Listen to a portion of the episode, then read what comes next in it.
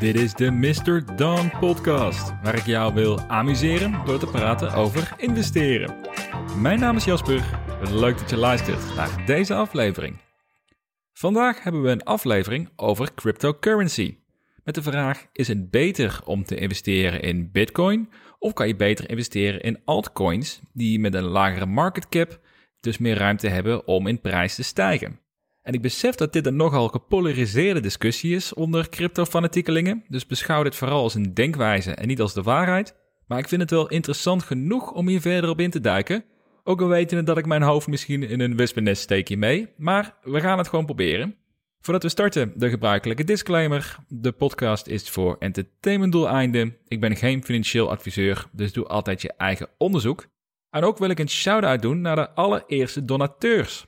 Mark, GJ, Diane, Frank, Jos en Peter, ontzettend bedankt voor jullie steun. Als introductie, ik bekijk deze vraag vanuit een investeerdersbril. Dus toen ik investeerde in cryptocurrency in april vorig jaar, zag ik een duidelijk asymmetrisch risico met een enorme upside en weinig downside. En ik heb te weinig kennis van de technologie van cryptocurrency om dit te beschouwen als een tech-investering. Dus dat is even een nuance voordat ik mijn ideeën hierover deel. Het voelt namelijk als een eeuwenoude strijd: Bitcoin versus de altcoins. Er zijn Bitcoin-maximalisten die zweren bij de waarde van Bitcoin en dat ook zien als de enige waardige cryptocurrency om in te investeren. Tegelijkertijd zijn er mensen die voornamelijk ook in altcoins investeren, omdat zij weer Bitcoin beschouwen als de oude technologie die minder potentie heeft dan de alternatieve crypto waar zij in investeren. Het voelt af en toe bijna als kiezen voor een religie. Je bent voor Bitcoin en daarmee direct tegen altcoins, of shitcoins zoals in die gemeenschappen vaak genoemd worden.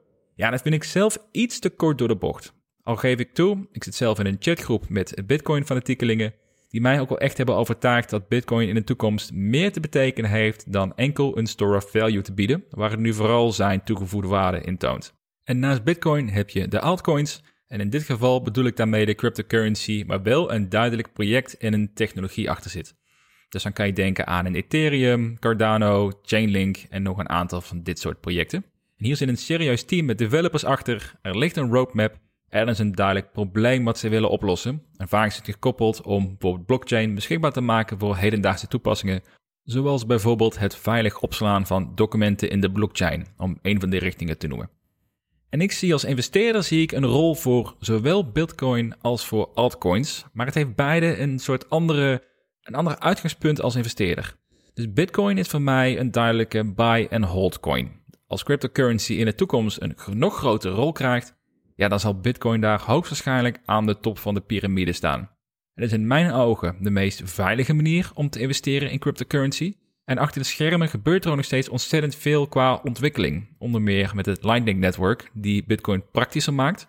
Maar het wordt vooral ook gezien als het model voor de cryptocurrency. Dus grote beleggingsfondsen gaan niet massaal stappen in Cardano of een Chainlink, ze stappen in Bitcoin. Dus als je kijkt vanuit een beleggingsprincipe en buy and hold, zie ik Bitcoin overduidelijk als de beste keuze vanuit een beleggersoogpunt. Altcoins daarentegen hebben de potentie om een enorme groei door te maken in de komende jaren, zodra blijkt dat deze projecten ook daadwerkelijk praktische problemen oplossen.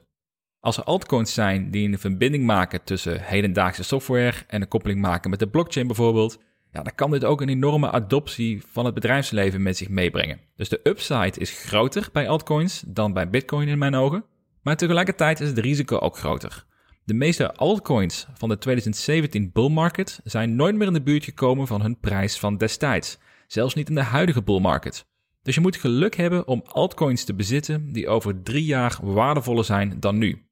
Dus ja, meer upside, maar duidelijk ook meer risico. Desalniettemin kan het denk ik wel een hele slimme combinatie zijn om naast je Bitcoin-positie, die je eigenlijk sowieso aan zou houden als je in cryptocurrency wilt investeren voor langere tijd, ja, ook een aantal altcoins op te nemen waar je in gelooft, maar dus wel waar een serieus projectteam achter zit of, of diegene die dus echt een probleem aan het oplossen zijn. Want als laatste variant heb je namelijk de altcoins die geen probleem oplossen en eigenlijk geen praktisch nut hebben. Ja, dat, denk ik meer aan hypecoins, zoals bijvoorbeeld een Dogecoin, een Shiba Inu, een Cumrocket. Ongeacht hoe graag mensen je willen doen geloven dat deze munten de nieuwe Bitcoin zijn, ja, ik zie het absoluut niet. Toch hebben ook deze crypto een praktisch nut. Het zijn namelijk uitstekende munten om mee te traden en mee te speculeren. En we hebben allemaal wel gemerkt dat één tweet van een persoon zoals Elon Musk de prijs fors kan doen stijgen bij dit soort munten.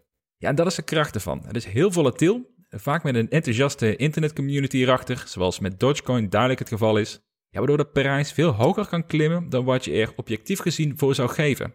Ik zou dit soort crypto absoluut niet beschouwen als een investering, maar wel vooral als een middel om crypto te handelen en te kunnen profiteren van korte, snelle spikes in de prijs. Besef daarbij wel, dit is een dubbelzijdige medaille. Alles wat snel omhoog kan, kan vaak nog sneller naar beneden.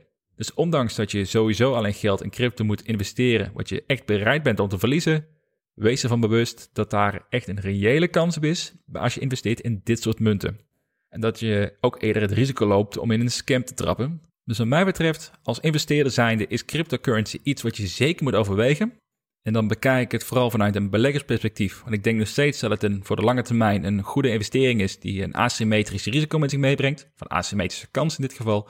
En ik zou dan een combinatie maken van Bitcoin en een selectief aantal altcoins die wel al een aantal jaren meegaan, die een legacy hebben, waar een projectteam achter zit en die een probleem oplossen. En ik denk dat je met die combinatie de hoogste kans hebt om een prima rendement te halen op cryptocurrency vanuit een investeringsperspectief. Tot dusver deze aflevering. Laat me weten wat je ervan vond via iTunes of via Instagram en Twitter via MrDonNL. Als je mij wilt steunen en toegang wilt krijgen tot exclusieve content, ga dan naar www.mrdon.nl slash donateur of check de site voor nog meer artikelen over beleggen, cryptocurrency en startup investing. Voor nu bedankt voor het luisteren en graag tot de volgende aflevering.